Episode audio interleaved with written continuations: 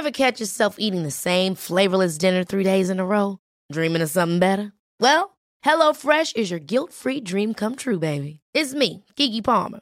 Let's wake up those taste buds with hot, juicy pecan-crusted chicken or garlic butter shrimp scampi. Mm. Hello Fresh. Stop dreaming of all the delicious possibilities and dig in at HelloFresh.com. Let's get this dinner party started. One size fits all seemed like a good idea for clothes Nice dress. Uh, it's a it's a t-shirt. until you tried it on. Same goes for your healthcare.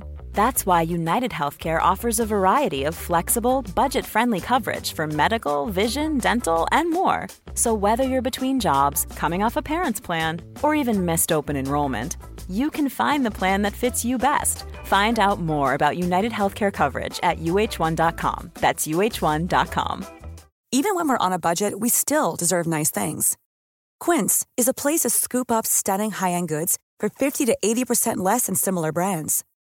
They have buttery soft cashmere sweaters starting at $50, luxurious Italian leather bags, and so much more. Plus, Quince only works with factories that use safe, ethical, and responsible manufacturing. Get the high-end goods you'll love without the high price tag with Quince. Go to quince.com slash style for free shipping and 365-day returns. Ann, vet du vad som nalkas snart? Sommarsol. Och min berömda midsommarfest. Det är din älsklingstradition. Och vad passar då inte bättre än att vi denna vecka sponsras av Rusta? Jag drog iväg till Rusta och gjorde, du vet, den här episka inköpskavalkaden. Alltså de har så mycket bord, stolar Dynlådor. och det roligaste av allt. lampor. Ja, lampor, mattor. Där. Skatglittret. Gud vad man älskar det. För jag måste säga så här. Det spelar ingen roll hur fina möbler du har. Om du inte har lullullet, Mm. de fina ljusslingorna, ljusen, lyktorna, blommorna. Kuddarna, Nej, mattorna. precis. de det måste spegla Ja. livet, det underbara livet. Hörni, gör som vi. Gå in på Rusta och botanisera bland alla deras helt fantastiska utemöbler och allt sortiment av det vi väljer att kalla skatklitter för din sommarfest. Tack Rusta för att ni sponsrar inte din morsa. Tack, vi är så glada.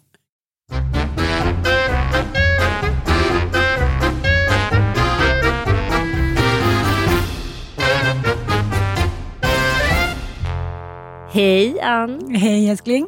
hur mår du? Jag är blöt. Jag ser det. Jag är blöt som en katt om våren. Nej, jag har varit ute och gått. Jag försöker ju promenera mycket. Har du någon slags renlevnadsidé om livet eller? Nej, men vadå? Jag, jag simmar, har börja börjat träna? simma lite och träna lite och då så tänker jag istället för att hoppa på tunnelbanan eller något liknande så går jag. Mm. Eller tar taxi. Nej men jag går faktiskt en hel del. Jag kommer ju aldrig bli en människa som tycker att vare sig simma eller promenera är någonting som är så här. Åh det här ger mig verkligen. Och det kanske har med min, min usla andlighetsfaktor att göra. Men, men jag tänker att jag kanske kan komma in i det. Ja precis, men varför ska du tvinga dig själv att utföra någon typ av sportaktivitet eller man ska säga som du inte tycker är kul? Men jag tycker om det. Men jag, i typ 12 minuter. Så snabbt. För jag älskar ju vatten. Jag är ju en liten vattenvessla. Lågintensiv träning måste man ju köra i minst 50 minuter för att det ska ge någon effekt. Mm, det är det som är lite segt. Minst 50. Ja, du måste nöta. Men då ska Ja, du men promenera tänker- med en vän. Ja. Du ska också simma med en vän. Mm.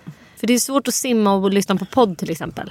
Men, pro- promenera och lyssna på podd går ju alldeles utmärkt. Mm. Vi har lite bråttom för jag ska ju åka med dina barn till Åre. När kommer du? Jag kommer jag kom på fredag morgon. Okej. Ja. Jag och Sanna ska till Åre men sen ska, måste Sanna jobba imorgon så då åker jag själv med, med, med alla barnen. Så det gör jag inte. Men jag har ju faktiskt ett barn som inte är ett barn längre. Hon är faktiskt 19. Jag vet men... Och eh, hennes good old friend Siri som också är 19. Så de ska ju ta hand om då eh, småbrorsorna 11 och 13. Så att, eh, du behöver nog inte oroa dig för arbetsbelastning. Vi ska åka snälltåget ju. Ja. Så då eh, tänkte jag att jag... Kanske jag går till baren. Sen tänkte jag om jag kunde stoppa alla dem i en vagn. Ja, så får du sova själv. Fy fan vad Kanske skönt. träffar någon jag åker på raggarresa. Då har du en hel kupé för. Nej, men jag, bara, jag måste bara ta upp en liten spaning som jag tycker är väldigt rolig. Och det, vi kan ta in det här med att man säger too, too late for raggning, men det är det inte. Men jag lyssnade på morgonpasset. Och då sa hon den här nya tjejen som är istället för Hanna. Ja, men hon sa så här, det var så himla roligt igår för då satt hon på tunnelbanan på väg hem från jobbet, radion då. Och så sitter det liksom två tonårstjejer och käkar chips direkt i påsen. Och det är verkligen så här New York, ja men rebell, Harlem, jag vet inte. Det finns ju någonting skönt i det om man kan ro hem det. Dels för att man kanske har ett coolt utseende och dels för att man är i en viss ålder. Sen kan man ju bli skitirriterad på kids som sitter och smular och braskar som är så här tioåriga killar som när våra killar var tio liksom. Då hade man ju bara så här velat lappa till dem. Men vissa kan ju faktiskt se coola ut med en chipspåse. Lite så som att de ska börja så här toasta. Så här. Så då hade hon direkt gått ut och köpt en stor ja, men grillchipspåse. Liksom. Och så hade hon dragit upp den för hon var ju skitsugen såklart. Det kan man ju verkligen bli på chips. Så hade hon gått omkring och käkat den där och känt sig så här. Nej, det här var inte coolt. när jag gjorde det." och så tände jag lite då när jag på väg hit till podden och så bara, "Nej, men jag är så hungrig så jag sprang in och köpte en fishburger på Donkeys. Och sen tog jag den och sen gick jag liksom i spärregn på Sveavägen och käkade en fishburger. Då tänkte jag så här, is it too late for a fishburger? Alltså finns det en viss ålder när man inte kan gå och göra grejer official på stan utan man får sköta, som hångla. Ja, ja, menar, ja, Det är inte så här att jag och Mattias står och hånglar. Nej, Är ni det? det? Är, nej, det är så jävla... Alltså mammor och pappor ska ju för, först Som inte slaskar. Nej, man vill inte se det. Och då vill man inte se andra mammor och pappor som gör det heller. Alltså vi är ju i kategorin morsor. Ja. Även om vår podd heter Inte din morsa så är det ju tyvärr så att omgivningen ser ju på oss som mam- mammamaterial. Och det, då ska det inte hålla på och slafsas. Nej men jag bara tänker att det är roligt att tänka så i förra Too old for avsnittet. school. Too cool for school. Too cool for donkfish. Nej men jag... Det är ändå väldigt kul att man köper en påse. Ja, alltså gud vad jag inte skulle kunna se cool ut med en chipspåse. Man är lite så här skönt avspänd. Ska vara lite så här, jag måste tänka vem skulle kun, i vår ålder skulle kunna ro hem det och fortfarande se cool ut. Josefin Crafoord, vår kompis, skulle nästan Ja kunna hon skulle kunna göra det. Och Ja. jag tänker även på hon... Fast det är för att hon inte vill växa upp. nej men det måste ju vara någon artig människa. ja, Jag tänker också på Sofie Mörner, vet du vem det är? Ja, ja. Antonia Axon Johnsons dotter som är någon slags konstnär. ja du Bara för att det är så här, så. man måste liksom ha lite tattoos och lite så här, köra på en ungdomlig stil. Mm, typ jag har inte ätit på hela natten för jag har målat så nu måste jag bara Ja, moffa men bara lite så jävla hungrig. Jag har varit också på ravefest och typ gift mig med min flickvän på så här regnbågsfest. På, vid 50 år. Ja, Men det är lite, fast jag vet inte. Ossian, min äldsta, om han skulle gå omkring med chipspåse skulle jag tycka att det såg coolt ut. Men om din Olga eller Ilon skulle gå omkring med chip- chipspåse då skulle jag tycka så här, men man går väl inte omkring med en chipspåse? För att de har en annan air. en annan approach. Ja. Du måste vara street. Det är kanske Ja. det vi måste sammanfatta det med. Det är, man måste vara street för att kunna äta så skräpmat och se cool ut. Jag tror inte att... Man kan ju inte vara så här preppy. Det funkar ju inte att gå glida runt med här Ralph Lauren-skörta. Då känns det ju bara som att någon så här, Man drack det stekarunge Luna som, ja, som är så här bakis. Då måste de käka så här bakischips. Ofräscht. Nej, Det måste vara någon som verkligen så här käkar sin middag i en chipspåse och ser cool ut. Men jag tänker så här, nu fattar jag att du och Micke kanske inte har stått och slaskat och hånglat på liksom öppet. Det kanske inte, ja, det hade varit lite, alltså bara onödigt på grund av olika medier. Men, men jag kan inte känna att jag, för sig när man var 13-14 men annars men fram till en viss ålder, även efter jag fick barn så kunde jag ju hångla på fester. Mm. Och det har jag ju även gjort med, med Mattias tror jag. Hångel är ju någon form av lätt sex. Light Lätt sex. ja. det är l- lätt ja. Men det är någon typ av förspel kan man Ja. sammanfatta det som. ja. Jag älskar man ju liksom- kyssas. Det är extremt här. Man kysser varandra och man smeker varandra utan att det blir obscent. Alltså Precis. utan på kläder Ja. men inte på könsorganen. Ja. Mm. Och kyssar och smek. Jag såg när du tog mig. Och det, ja, ja. Men det, det är roligt att de flesta som hånglar tror ju att de sköter det snyggt. Ja. Men när man själv är bara så här, ett nykter, två inte liksom tänd och kåt och inte har någon sån hormonpåslag i kroppen. Då tycker man ju bara att det är så patetiskt med folk som hånglar. Även om de är unga och sitter på en bänk. Just att de så här, tror att så här, de, Ja. det märks inte att vi är bara så stenkåta. ser det liksom här inget härligt ut. För det finns inga människor som i filmens värld kysser på det sättet. Som det, jag kommer ihåg när jag första gången såg Top Gun. Mm. Första, med Tom Cruise. När han då liksom förförde sin äldre föreläsarkvinna. Liksom. Hur han så här, äh, en liten slick och en liten lurirud, en liten retiret och sen så bara det är ett kyssen from he- heaven måste jag säga. Och höll på länge och det var hår och klet och klet. Men jag kan liksom inte se att någon man hållit på med en så här slicka lite Ja, men Mattias höll på lite så i början, men det tror jag för att han hade precis sett den filmen. ja men vadå, hur ofta håller man på med så här sex minuter lång kyss? Nej, det är nog förhållandevis sällan. Och det är också lite tråkigt när man har sex när man varit ihop ett tag. Så blir det också lite mindre och mindre. Men Mm. det vägrar jag gå med på. För jag tycker så här, att ha sex utan att ha kysst varandra. Det är inte riktigt min grej. Nej. Fast vissa slutar ju kyssa varandra med åren. Mm. Och tycker det är okej. Vad, vad beror det på alltså? Det kanske finns de som inte ens gillar att kyssas. En tjejkompis till mig, hennes lite. man, de kanske har kyssts tre gånger. Nej, Mm. men då måste det vara så att båda två inte... Hon vill, hon älskar att kyssas. Jag tror att det handlar om en intimitetsproblem. Mhm. Att det är så här, att slaska runt med någon annan, det måste, man måste vara hängiven. Man måste så här, vara Mm. där hela vägen. Man måste på något sätt öppna upp. Annars blir det ju bara en sån här, som när man har bråkat. Men har du inte En själv varit med om det då? Att man här, har varit ihop med någon och sen så bara man har älskat att kyssas och sen eh, så vill man inte längre. Jo, men det, Det är då, det är helt vidrigt. Man det kan ju en känna här, våldtäkt, ja, en men kyss. att man bara, åh gud vad vidrigt. men det, är bara, så, känner- det är där man vet att kärleken är över. ja, jag vet. Hur kan man då fortsätta vara ihop i 20 år till? Nej då? men jag tror bara att, att liksom, med honom är det att han sa från början, jag gillar inte att kyssas. Aha. Ja. Men jag kommer så tydligt ihåg när jag bodde i USA och såg Pretty Woman när hon sa då, jag kan gå med på allt men inte kyssas. Det var för intimt. Suga balle, alltså allting kunde jag göra men just kyssen är intim och det är den också.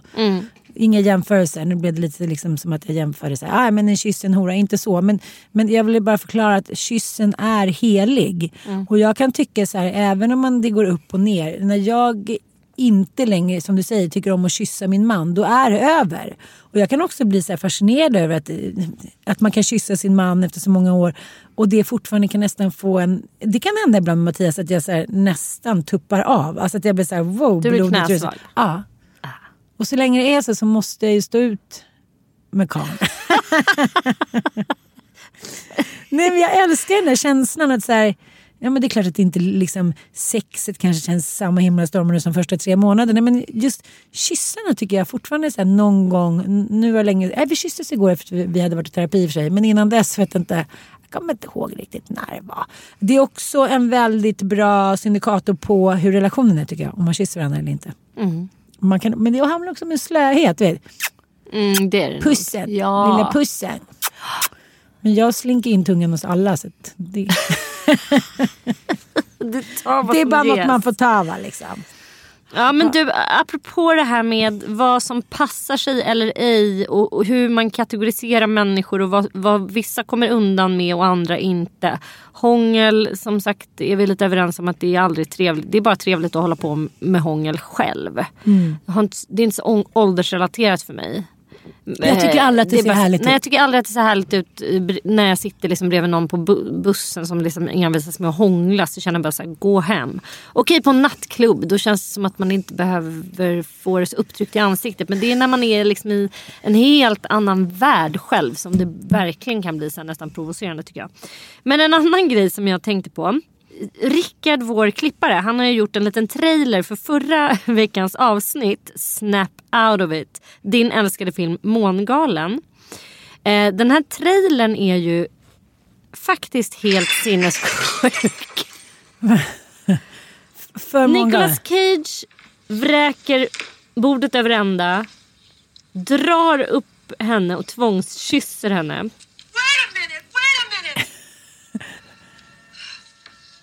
Och där gav hon efter. Men där tyckte jag i och för sig att den där kyssen när hon gav efter blev härlig. Ja, det blev det här. Men ändå att den föregås av... Ja. Jag undrar vad man skulle säga på Alla kvinnors hus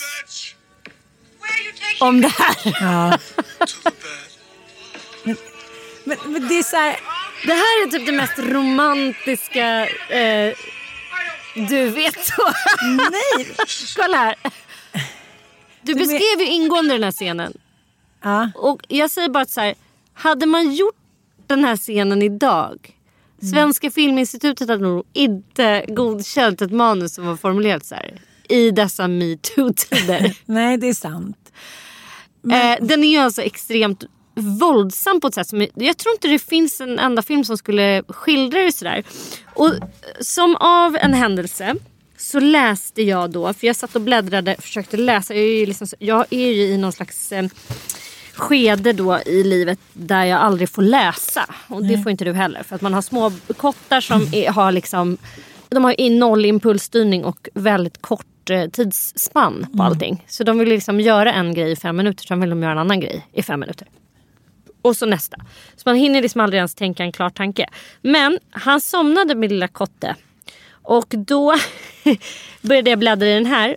Bodil Malmsten, som jag älskar Bodil Malmsten. Alltså hon är ju fan. Och det, när jag började läsa den så kände jag att det, det som är så slående och så fantastiskt med henne det är att man får sån jävla skrivlust med henne. När man läser henne så vill man bara säga jag vill också skriva. Det är inte att man känner att man direkt vill skriva som hon eller så. Man bara blir sugen Nej, på med, språk. Men då läste jag så här, det var så jävla eh, roligt. En grå liten pall. När män blir arga på en situation, vare sig det är deras eget fel eller ödet, så sparkar de på möbler, i dörrar och väggar. Lex Nicolas Cage.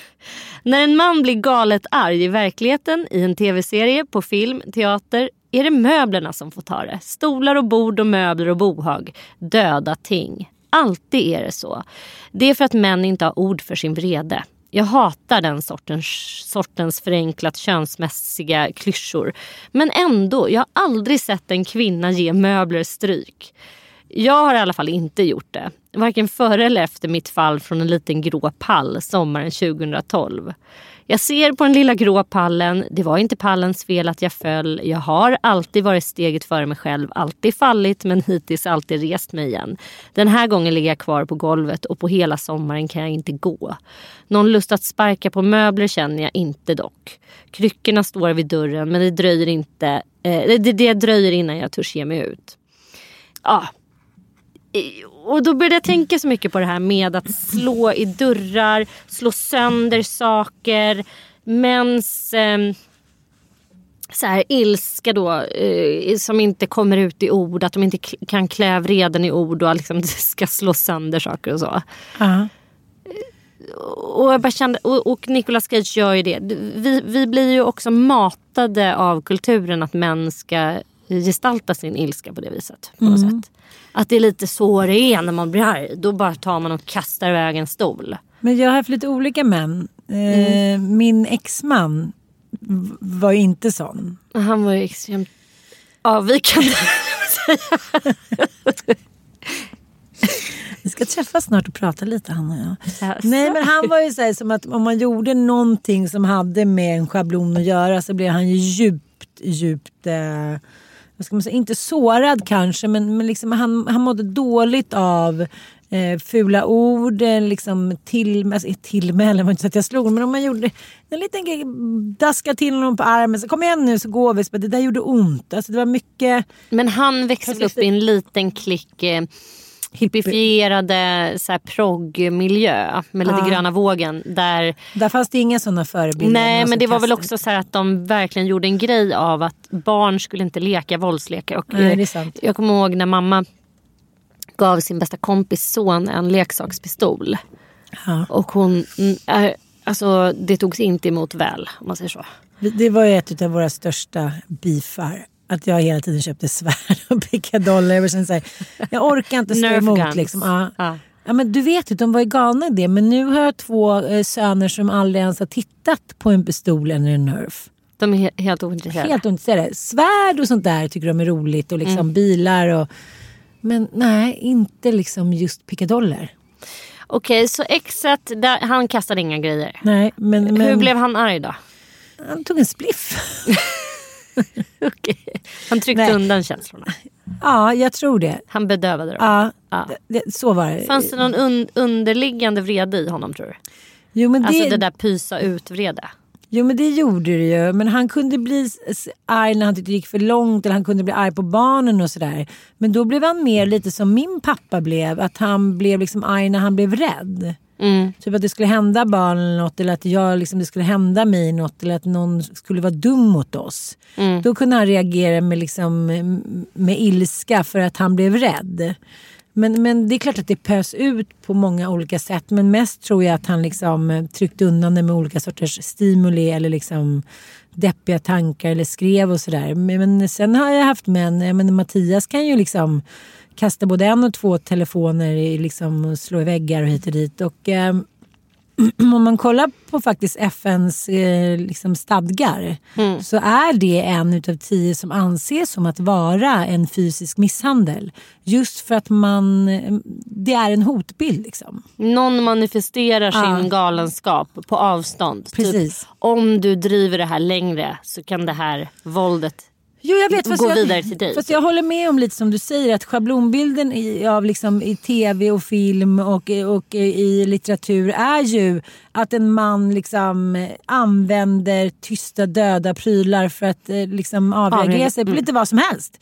Jag tycker inte att det behöver vara så liksom, dramatiska grejer som händer för att en man ska så här, sparka på en dörr eller slå en vägg. Torsten eller... Flink slår en bil. Ja, ja men eller hur. Det, är så här, det måste manifesteras. Så här, så, här, så här gör man inte och så dunkar Mm. man till. Liksom. Och eh, jag tycker att det är obehagligt. Och det är också sagt att det är så här, för, för dig är det att du manifesterar att du så här, känner, känner att någonting är jävligt jobbigt. Det behöver liksom absolut inte ha med mig att göra. Det har du ju aldrig. Liksom. Men tycker du att det är obehagligt? ja, jag tycker att det är obehagligt. Det tycker inte jag. Ja, men jag tycker att det är obehagligt bara för att jag, det kommer så snabbt. Det är en sån ö- ögonblickssituation att man ska sitta och prata om någonting och så plötsligt så rinner bägaren över. Då är så här, oj, vad händer nu? Men kan du tänka dig då att det har att göra med att du har eh, den historia du har? Att du faktiskt har varit, levt tillsammans med en person som har varit våldsam mot dig? Ja, det tror jag att det är såklart att det har med det eftersom jag har ett kroppsminne. Så jag tror att jag reagerar kanske starkare men jag, jag har liksom andra tjejkompisar vars män har manifesterat på det här sättet som också tyckte att det varit skitobehagligt. Liksom. Och som har gått i terapi och pratat om det liksom, i år efteråt. De har inte haft någon bakgrund med en våldsam man. Liksom. Mm. Så att jag vet inte men, eh, men jag tänker också så här efter Torsten Gate så blev det ju mycket så att åh, alla pratade om det här, det skulle huldas hit och stackars honom. Men så skrev faktiskt Cissi Wallin en skitbra grej på sin Insta. Hon bara, men tänk om det här skulle varit en kvinna som höll på så här i, liksom, i media. Hon skulle anses som galen, tokig. Hon skulle aldrig ens bli inbjuden liksom, att sjunga en låt i Melodifestivalen. Mm, fast Säg jag vet någon inte då. riktigt. Ja, Lena Nyman. Kerstin Thorvall. Alltså nu, är det så här, nu måste vi titta tillbaka på hur det såg ut. Ja, Monica Zetterlund. Fast nu, nu, nu, nu lyssnar ju du bara på, på liksom historien. Nej, men jag Då behöver man inte vara en perfekt. Jag tycker det är grovt förenklat. Alltså om man nu, han har väl inte blivit så omhuldad. Eh, Det är väl inte så många som har varit så här. Skam på torra land, han får inte framföra sin låt. Det är väl mer att man har gjort sig lustig över att varför han ens skulle vara med. Men han har ju ändå under decennier geniförklarats trots att, trots att han har liksom varit ett knarkande fuck up. Jo, det är klart. Ja, men, det men, skulle ju inte hända. men det Camilla Henemark kunde ju liksom inte ens... Här, men hon kanske inte var lika genialisk än. Nej men vadå, är Torsten Flink. Genialisk? Har du aldrig sett eh, Jo, hans pjäser? Jo fast jag har aldrig sett honom när han inte varit påverkad så jag tycker det är jättesvårt för mig att vara det objektiv. tror jag visst det, för han var ju inte påverkad när han var regissör på Dramaten. Och varför är han inte kvar på Dramaten då? Därför att han är ett knarkande fuck up, så han har ju inga jobb så tesen faller ju. Det han bor ju i en husvagn, han ligger ju ner på marken. Men sen kan man ju använda honom som en clown i media. Så där tycker jag faktiskt att Cissi har helt fel. Han är ju barskrapad och har ingen karriär, han har inget jobb kvar. Det är precis som för vilken kvinna som helst. Liksom, som är ett knarkare, rent generellt så får inte knarkare, det spelar ingen roll om du är kvinna eller man, man har inget jobb om man är en heroinist i Sverige.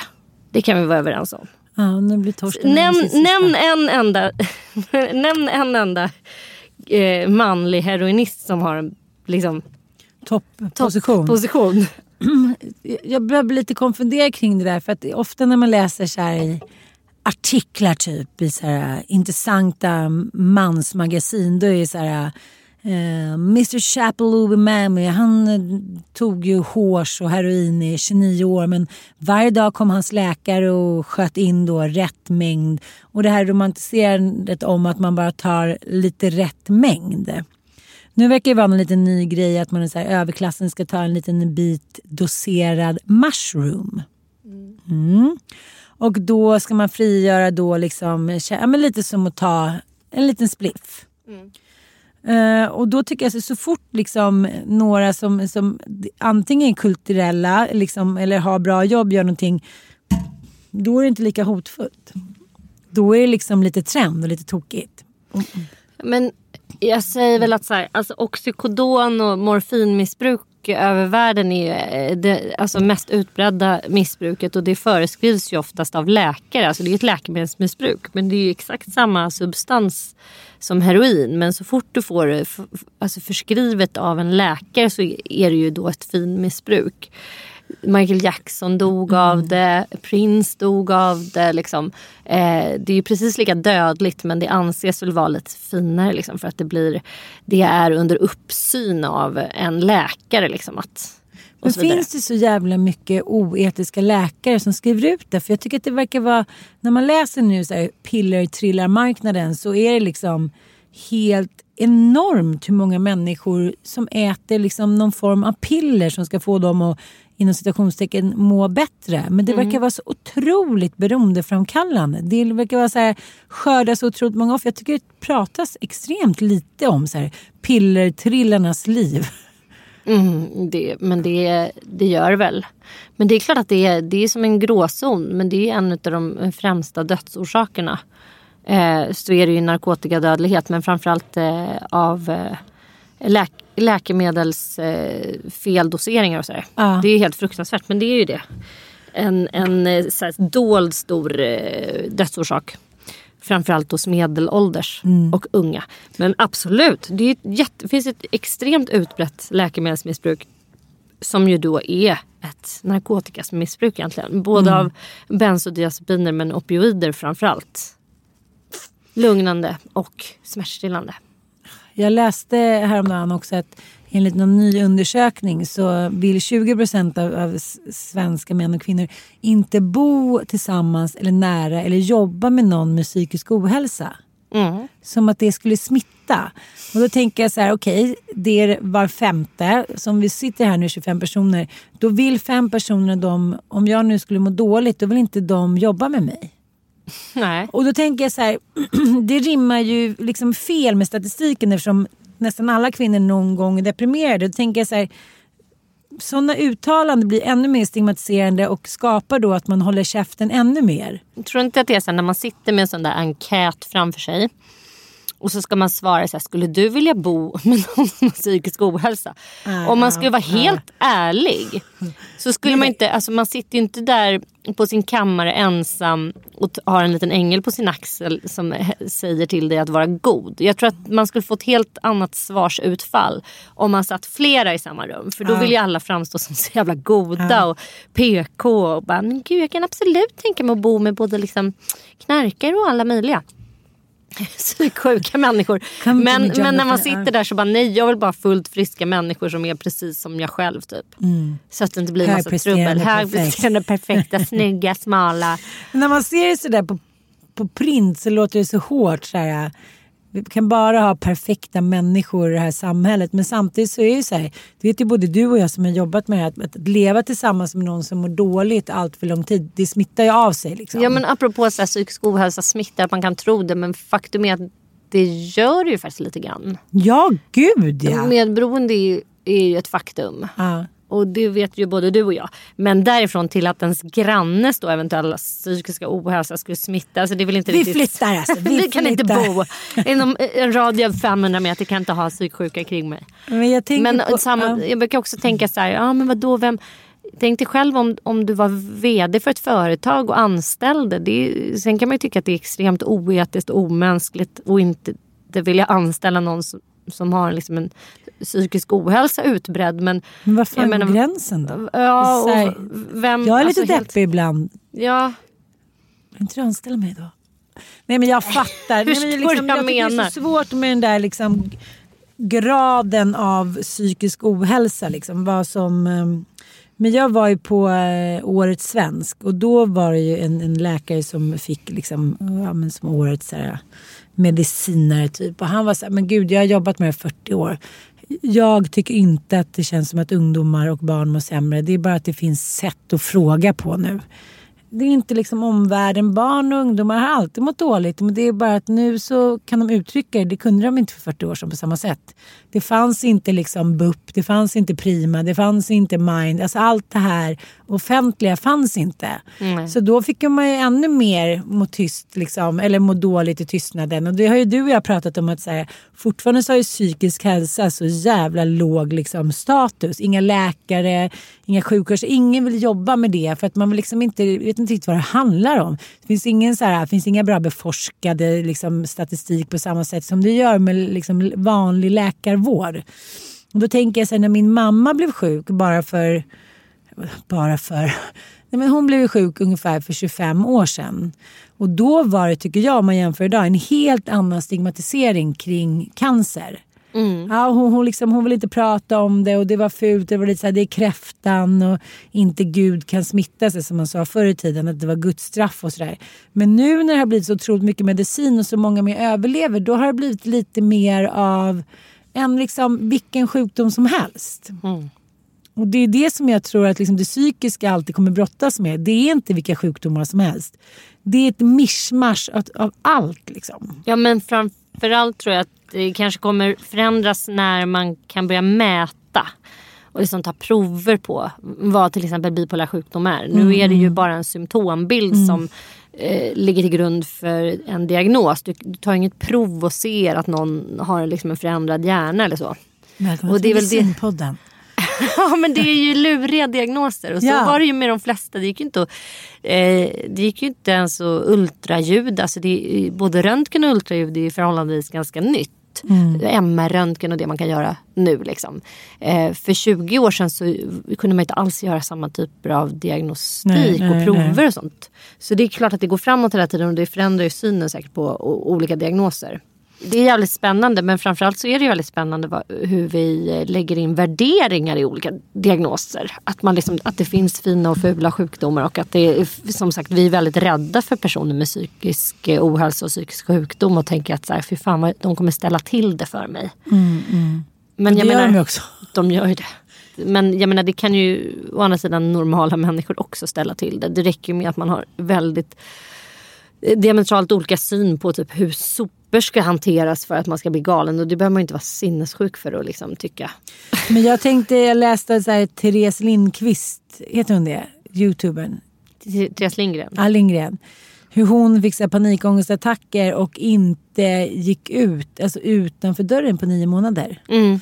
Då tänker jag så här, det där pågår i vårt samhälle hela tiden. Att folk mår så dåligt att de inte kan gå upp ur sängen eller gå utanför dörren.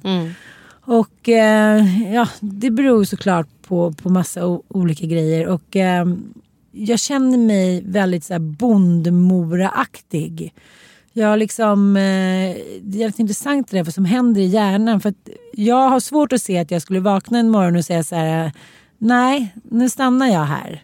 Och på liksom, men jag tycker ändå att det är fint att människor så här, klarar av det. Jag läste om en annan tjej, hon hade mått så himla dåligt så att hon hade inte gått ut på ett år. Och sen så för att klara av liksom dagen från minut till minut så hade hon eh, gjort samma sak varje dag. Ätit samma eh, paj med potatis och grönsaker. Och sen så efter ett år så var det liksom... Ja, då klarade hon liksom av sitt liv igen. Men det som är fascinerande av- mest av allt tycker jag det är att människor har generellt så dålig koll. Och för att knyta ihop säcken här med, med det, eh, min spaning här med så här, män och våld, eh, och slå sönder döda ting och slå sönder möbler. Och jag är ju då inte som Bodil Malmsten jag har också slagit sönder en annan pryl i mina dagar. Vad? Ja, det kan ha varit liksom riva sönder en skjorta eller kasta en eh, kaffekopp, eh, langa liksom, langa någonting eh, no, i, i vredesmod liksom. Det det får mig att känna då när jag gör det, det är ju någon form av manlig vrede. Alltså att man tar sig an ett, en genusvrede helt enkelt. Att man tar över den. Man liksom, Ja. förstår du vad jag menar? Och så här, aha, men vad då ska du slänga stol? Nej men det kan jag också göra. jag så, så att liksom, ska vi köra det spelet? Och jag till skillnad från dig blir ju inte dugg rädd om Micke till exempel langar en kaffekopp upp i taket. Inte, det känns ingenting. Nej, och det är samma, jag tror att det, nu ska jag dra en anekdot. Jag håller på med hästar. Jo tack. Eh, jo, tack. Eh, och eh, vi brukar ju säga så här. Det första man tränar in hos en häst är att eh, man ska hålla... Kasta de ska, koppar. Man ska, de ska kasta koppar. Nej men de ska hålla sig på... Eh, det här är mitt space. Ja. En meter från mig. Bortanför den bubblan, där, där kan du liksom göra dina uttryck. Där kan du uttrycka om det är någonting som känns jobbigt, om du är frustrerad, om det är något du inte förstår, om du blir förbannad på situationen. Men kom inte innanför här.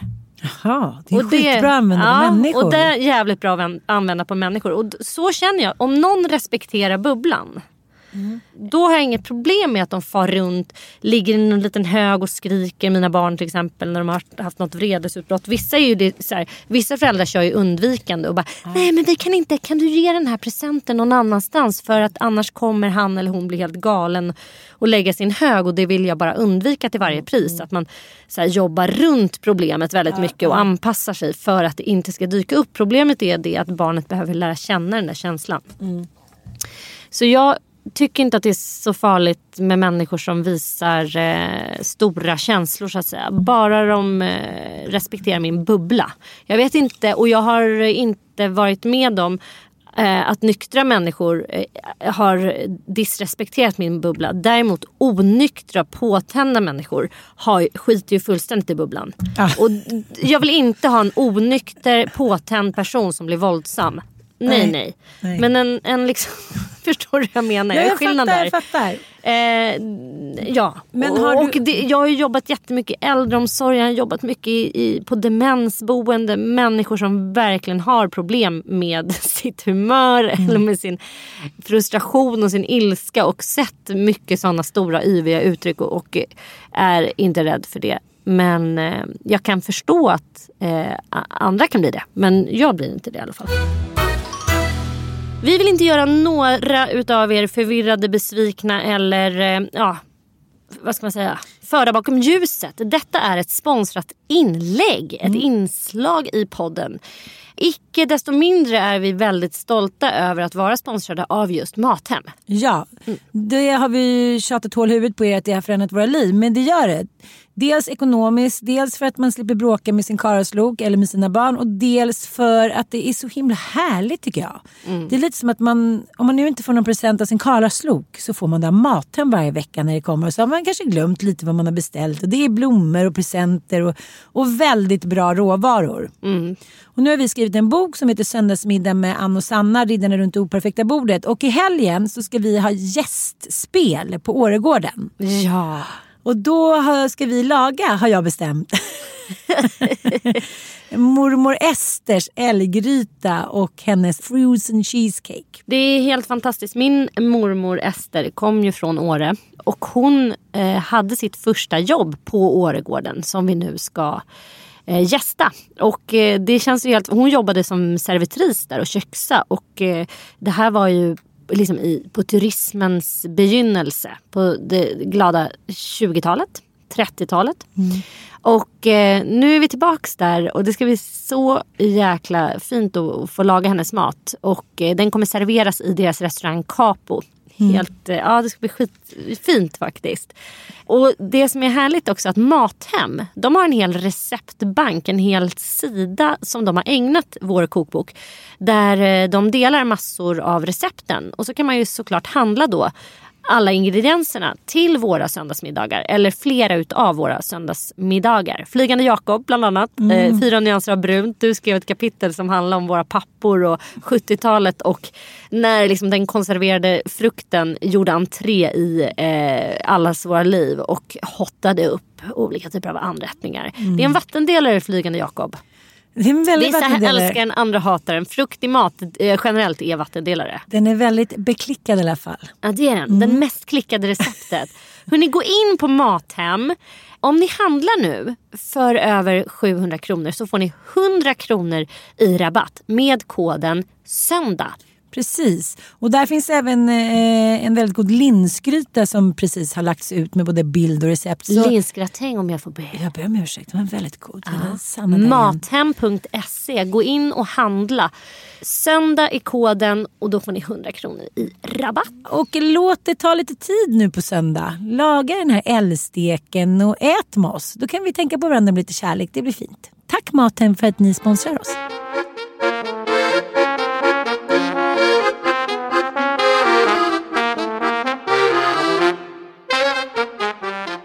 Men jag tänker, jag kollar på den här eh, nya svenska serien Kalif- Kalifat. Ja, Ja. Och den har ju blivit liksom både hyllad och kritiserad och en supersuccé. Just för att det- ja, men, kritikerna tycker att man, man, det är liksom en schablonbild av muslimer. Att eh, ja, men de är galna, de är fanatiska. Det var som någon kritiker skrev så här. Det finns aldrig någon som gör något vanligt. Gå till affären, liksom, sitta och snacka lite. Utan det är antingen eller. Liksom. Men jag tänkte just för det, här, i eh, det första avsnittet så får ju tjejen som spelar huvudrollen eh, de har, hans killar då, han är där och IS-krigare. Hans killkompisar har under någon sån här tillställning mellan tio män som bestämmer sig för att de ska göra någonting dumt. Så här. Eh, på så här, ah, hon är snygg din tjej, hon är söt. Eller så här, lite så här, she's a hoe under liksom. Alltså, som allt är enligt då i den här religionen i den här tv-serien. Så jag lägger inte in några värderingar. Så kommer han hem och bara, ah, då är han skitsur och liksom hon försvarar sig, de har en liten bebis och sen så klappar han till henne liksom. Och då är ju hon från Sverige och instängd i det här landet och då tänker jag så här. I Sverige så kan man i alla fall eh, liksom gå därifrån. Och ändå är det så många som inte gör det liksom. Och jag tänker också den nya som kom då, statistiken om freeze. När man blir våldtagen att så här, 70 procent, eller var det 80 procent, bara liksom ligger helt stilla. Istället för att så här, slåss för sitt liv. För de, kroppen säger så här, om du stänger av så har du en chans att överleva. Men om du inte gör det. Men det är samma, samma tillvägagångssätt som när man träffar en björn. Så tänker man så inlärd hjälplöshet. Ja, precis. Att man säger lubba, lubba hjärnet. Men, gör, men gör inte det för då blir det, sätter det igång en instinkt. Liksom. Men eh, har du sett serien? Nej jag har inte det. Eh, Olga har sett den och hon tycker att eh, det är en extremt, eh, hon tycker det är helt sjukt att SVT har kunnat få pumpa ut liksom, den här schablonbilden av islam på det här sättet. Eh, men samtidigt får man ju inte glömma att det är en det är ju en spel, alltså det är ju en dra, dramaprodukt. Ja, precis, liksom, så ja. Absolut, alla, man, vi, det, man har väl ingen skyldighet att liksom moralisera eller försöka bild, ja, förstår du? Det skulle vara svårt Folkbilda att, alltid. att liksom. göra någonting överhuvudtaget då. Ja, jävligt svårt. Om man inte ens i drama då får... Ja, jag, jag läste också om den här mexikanska boken som Oprah Winfrey tog upp i sin bokklubb. Ja, ja. ja då har vi följt det Ja, caset.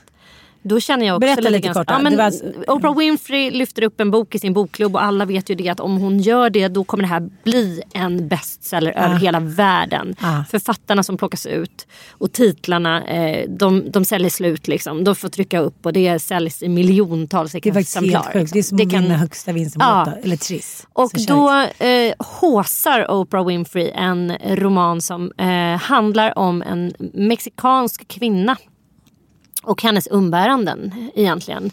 Och eh, den hyllas unisont av hennes bokklubb då. Problemet är att den här romanen är skriven av en vit eh, medelålders amerikansk kvinna tror jag. Eh, Hon vet inte om hon är amerikansk men hon är i alla fall vit. Så hon har ingen erfarenhet av hur det är att vara mexikansk i Mexiko och var, var utsatt på det sättet som mexikanska kvinnor är. Och då följer en folkstorm. Liksom, folk hatar Oprah Winfrey, folk hatar den här författaren. Hur kan hon liksom ta sig rätten att skriva någon annans erfarenheter och så vidare. Och, och det folk verkar helt ha glömt bort det är en roman. Det är för fan en dramatisering. Det är helt rubbat tycker jag. Det är liksom som att där kände jag lite grann när man skulle gå in och eh, censurera i, i, i Astrid Lindgrens titlar där hon använder n-ordet. Och liksom, man skulle ta bort dem från stadsbibliotekets bibliotek. och kulturell, ja men liksom, det var ju bara sånt ramaskri kring det där. Och jag, ja, kulturell appropriering, man får inte, och det var det hon anklagades för den här författaren. Jo, och sen var det Selma Hayek som hade Mm. lagt ut den. Så här, Gud, den här boken är skitbra. Och sen, Hon fick ju liksom um, sån jävla shitstorm på men henne jag bara också. känner så här.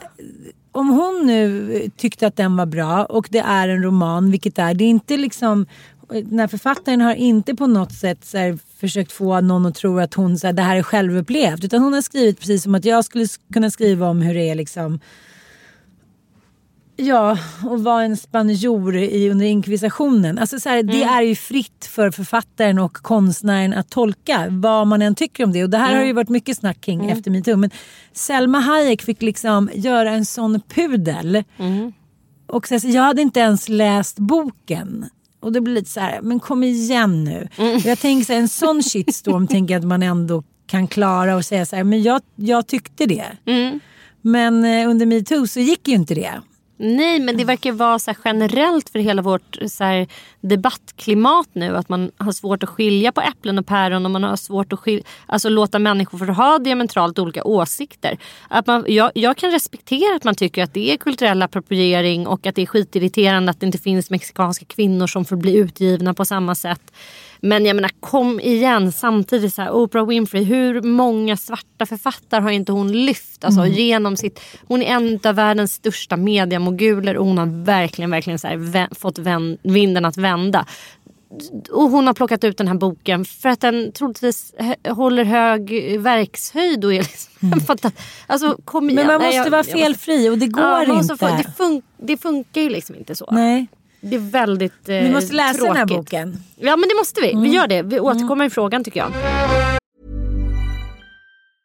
A lot can happen in three years, like a chatbot may be your new best friend. But what won't change? Needing health insurance. United Healthcare Tri Term Medical Plans, underwritten by Golden Rule Insurance Company, offer flexible, budget friendly coverage that lasts nearly three years in some states. Learn more at uh1.com. This is Paige, the co-host of Giggly Squad, and I want to tell you about a company that I've been loving, Olive and June. Olive and June gives you everything that you need for a salon quality manicure in one box. And if you break it down, it really comes out to $2 a manicure, which is absolutely insane. It's also so easy to get salon worthy nails at home with Olive and June. The difference between how your nails used to look when you did them yourself and now with the Manny system is a complete game changer. The best thing about Olive and June too is it's a quick dry. Dries in about one minute, lasts for five days, and full coverage in up to one to two coats. Visit oliveandjune.com slash perfectmanny20 for 20% off your first system. That's oliveandjune.com slash perfectmanny20 for 20% off your first system. Many of us have those stubborn pounds that seem impossible to lose, no matter how good we eat or how hard we work out. My solution is PlushCare. PlushCare is a leading telehealth provider with doctors who are there for you day and night to partner with you in your weight loss journey. They can prescribe FDA-approved weight loss medications like Wagovi and Zepbound for those who qualify. Plus, they accept most insurance plans. To get started, visit plushcare.com slash weight loss. That's plushcare.com slash weight loss. Here's a cool fact a crocodile can't stick out its tongue. Another cool fact you can get short term health insurance for a month or just under a year in some states. United Healthcare short term insurance plans are designed for people who are between jobs, coming off their parents' plan, or turning a side hustle into a full time gig. Underwritten by Golden Rule Insurance Company, they offer flexible, budget friendly coverage with access to a nationwide network of doctors and hospitals. Get more cool facts about United Healthcare short term plans at uh1.com.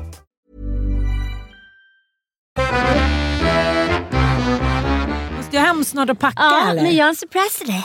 Har du? Ja, Nalle hjärtans dagpresent. Ska vi gifta oss? I Åre?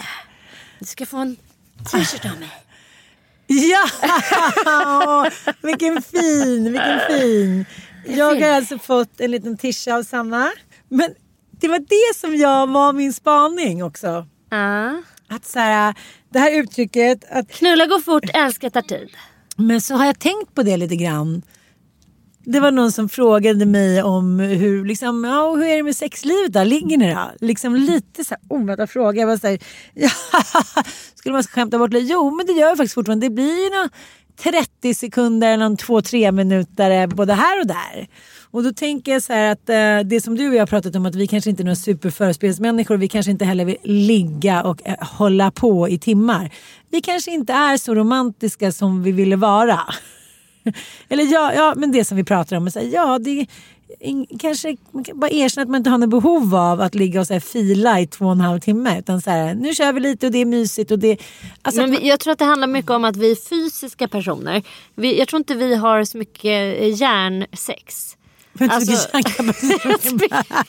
vi bara ligger där. Vi bara, åh, åh, Nej, men jag tror att vissa, vissa måste ju liksom använda hjärnan för att kunna ha sex. Ja, men så var Alltså, ju mitt ex lite. Jävlar ja. på honom nu. Att det var så här, jag bara okej vi kan bara ligga lite. Han bara det kan inte jag nu. Vi är inte nära varandra. Jag bara Men då nej, känns men- det mer som att den är känslomässigt engagerad. Jag Ja. tänker mer att någon som måste bygga upp olika idéer och fantasier och det ska vara si och det ska vara så.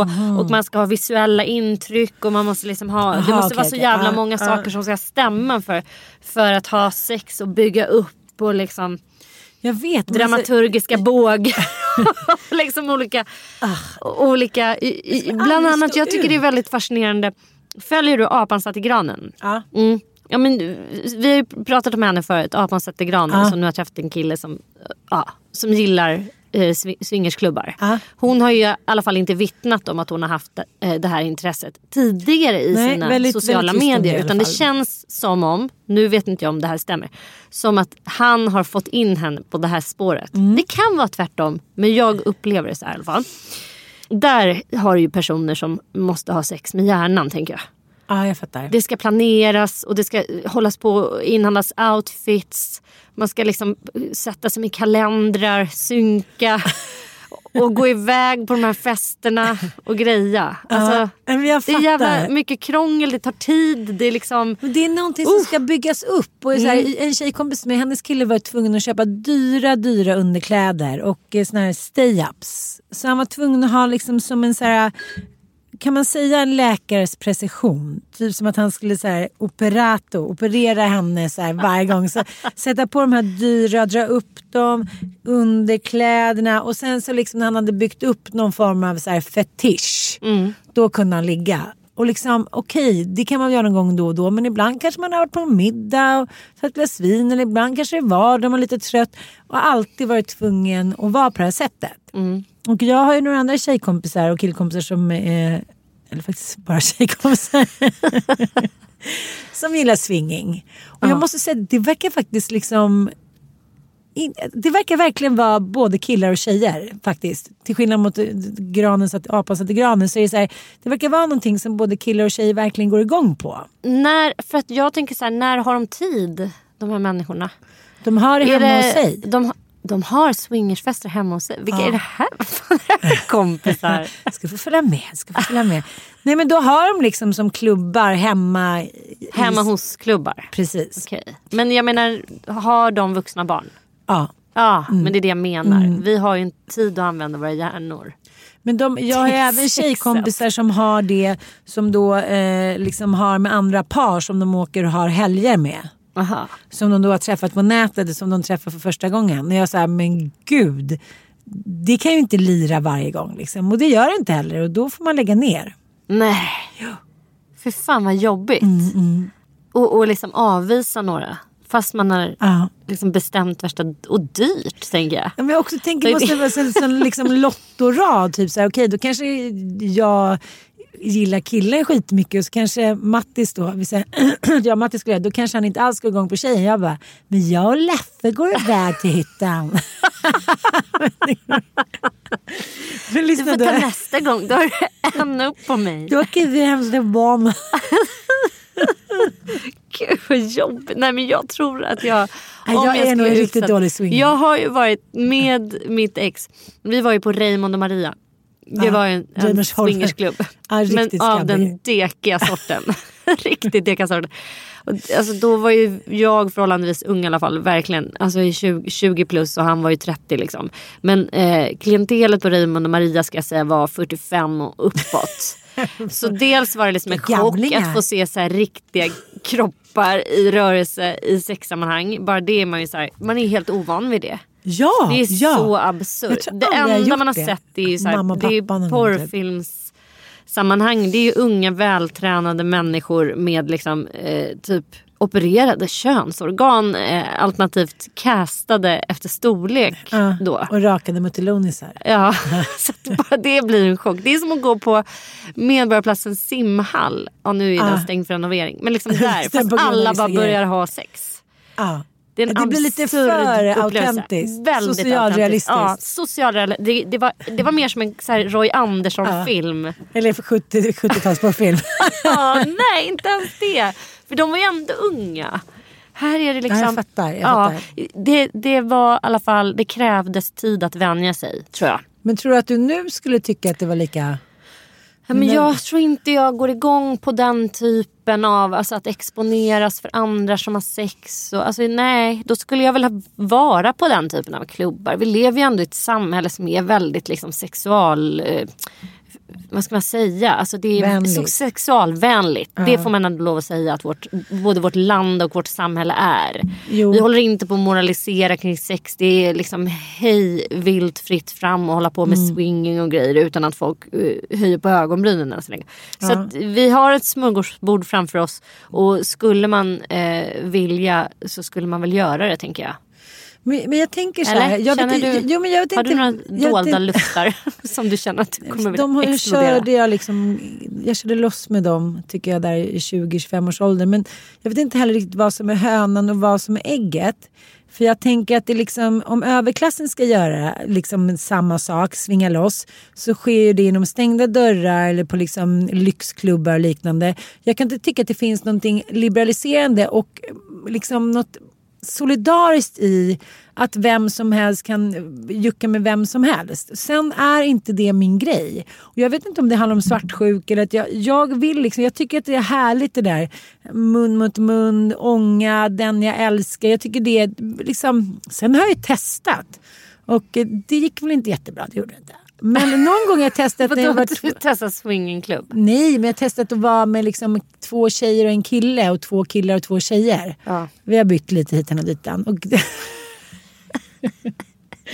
jag har aldrig testat att ha två killar till exempel. Det har alltid Ensam varit tjej, könsnormativt. Så här, killen har en dröm, två tjejer. Som liksom, uh, så att det kanske, jag tyckte vore, det kanske är härligt. Kanske det, Det är din grej. Det, det, det, det, det är life goals på din bucket list. Ja, fast nu när Aha. jag tänker på det så gick jag nästan igång lite. Ja. Men igår fick vi då, eh, eh, apropå det här att man ska här, klä sig sexigt och att det... Det här låter så himla, tycker jag också, gammeldags och köns liksom, klassificerat. Men, men jag, på mig kan man ändå se på min kropp och min behåring och lite hit och dit hur mitt sexliv är just nu. Och liksom, ja, jag är inte stolt över det. Det kanske inte är feministiskt hit och dit. Men det är som idag när jag bastade. Det är liksom eh, trollemor som muffehår och det är liksom skägg under armarna och skäggiga ben och liksom, ja, men, lite degigt. Alltså, det är ingenting som jag har reflekterat över förrän jag står i det där eh, motsägelsefulla, hårt kränkande ljuset. Då är det så här, oj, wow! Eh, det har liksom varit fullt upp med annat. Och det är väl också någonting kanske lite under småbarnsåren. Liksom. Och då tänker jag att, så, här, så sa jag igår kväll, så här, men gud nu måste jag verkligen så här, köpa lite nya underkläder. Och då tänkte jag, vi har ändå varit tillsammans i sju år jag och Mattias och vi har aldrig pratat om vad jag gillar för underkläder eller han. Så jag var så här, ja förresten, vad tycker du är fint? Jag tycker svart är fint. Ja, jag med typ. Och sen var det inget mer med det. Är du 12 år gammal eller? Ja, tydligen tänkte men gud jag har förlorat det. Jag har blivit gammal men gått tillbaka till någon jävla liksom, pre-teen med så sex. så nu känner jag att nu måste jag liksom, nu får vi dra Måste på någon resa. ribban. Ja, nu måste Ja, vi höja ribban. måste- nu blir det måste liksom använda gummi. hjärnan. Jag måste gå och köpa en, det ska jag göra till nästa gång. Jag ska gå och köpa en sjuksköterskedräkt. Ja, eller vad ska och, vet du, och de här nya sexdildosarna som tydligen är som en boll upp till och sen, alltså de ser inte ut som kukar Nej, det längre. har jag hört också. Att de ska vara något helt i hästväg. Okej, ah, då säger vi det. Ha det så bra. Nej, för att avsluta och eh, försöka knyta ihop säcken. Nu ringer Anita Clemens och tror att vi inte ska komma på hennes jippakväll. Ja, då eh, fick jag en inbjudan på Facebook häromdagen. Till? Den var ju privat och liksom stängda rum. Och så, så bara, Hej XX som min tjejkompis och hennes svingande man. Vi tänkte åka på kryssning. Mhm. Eh, vilka, jag, kan inte, alltså, jag kan inte säga för liksom, detaljerat men vi tänker åka på kryssning nästa helg och vi är lite värdar och värdinnor för att vi har liksom bokat det här och det här. Vi åker det och det datumet. Vi skulle vara jätteglada om ni eh, ville följa med. Kram XX. Och så tänkte jag så här, så tänkte jag inte på, jag bara men gud vad gulligt för hon brukar inte ta så många initiativ liksom, när det gäller att hitta på grejer och sådär. Hon är så här världens finaste slöfock liksom. Och sen dagen efter tänkte jag så här, jaha. Att det var liksom lite då beslöjat att, eh, att så här, vi som bjuder in, det kan, kan det bli både Hengelianen och Tror du det? Ja, men varför skulle de två bjuda in Mattis och mig helt plötsligt och ett gäng andra par på en kryssning? What stays in, Latos. Eller Pinky.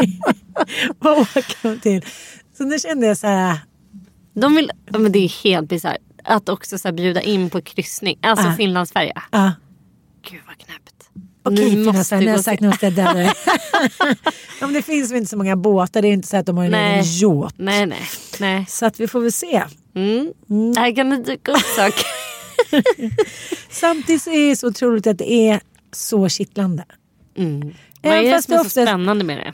Nej, men det är bara liksom så att någon har släppt taget om det religiösa, kristna, normativa. Mm. Att så här, Gud, skit i Gud. Vad fan, vi lever kanske 60 år, som alltså, 25 år så är vi snygga. Så skit i det nu, här får alla vara med. Och de är inga så här... Fast jag, liksom, jag måste säga så här.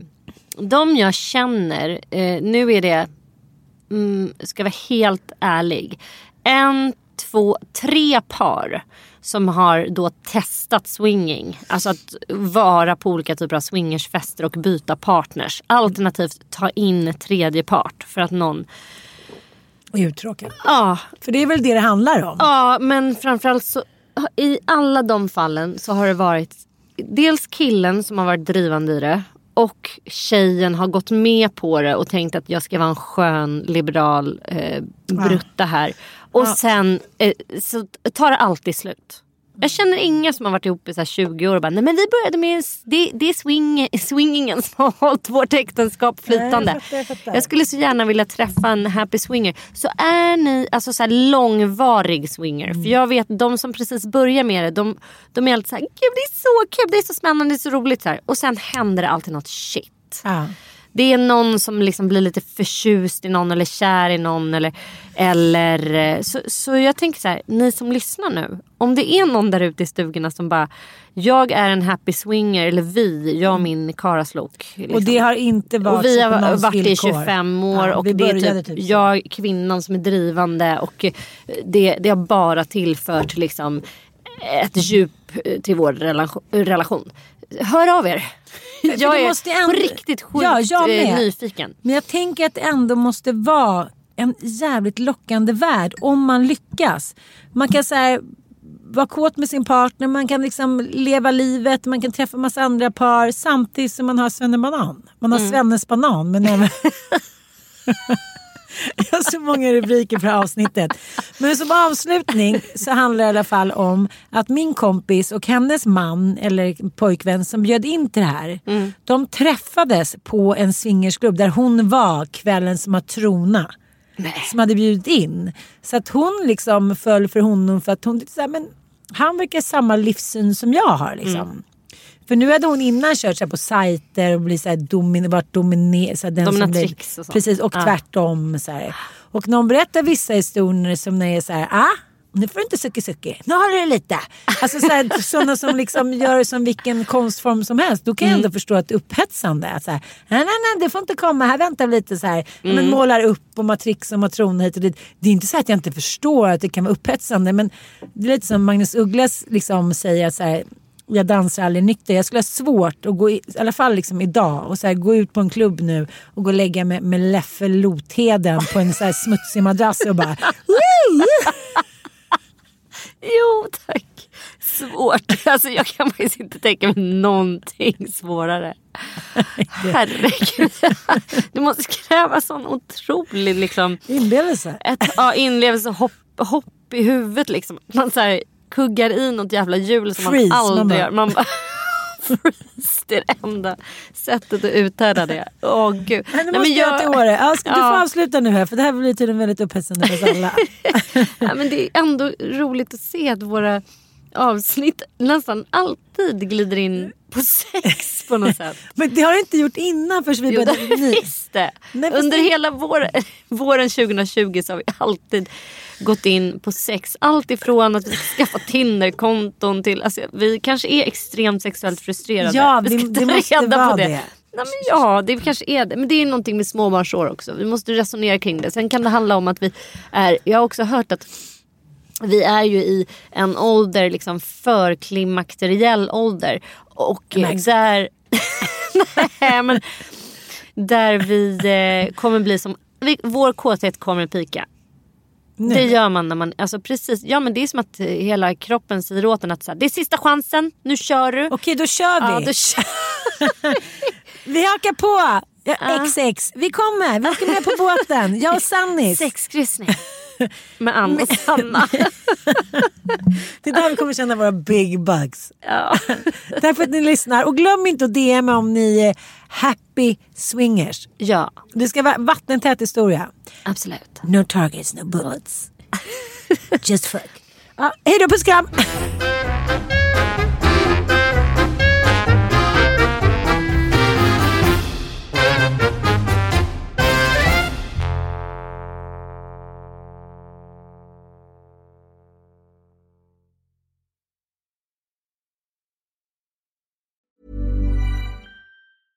Ever catch yourself eating the same flavorless dinner three days in a row?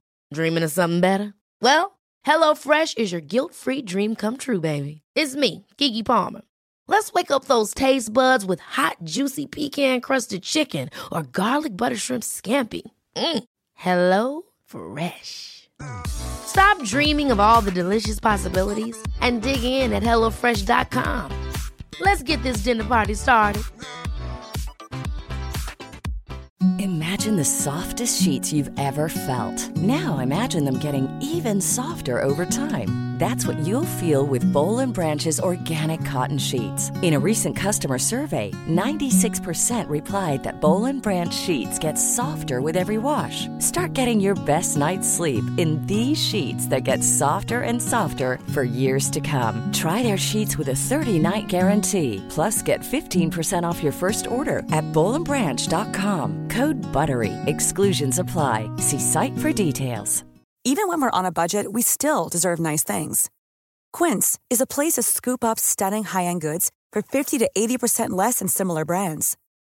They have buttery soft cashmere sweaters starting at $50, luxurious Italian leather bags, and so much more.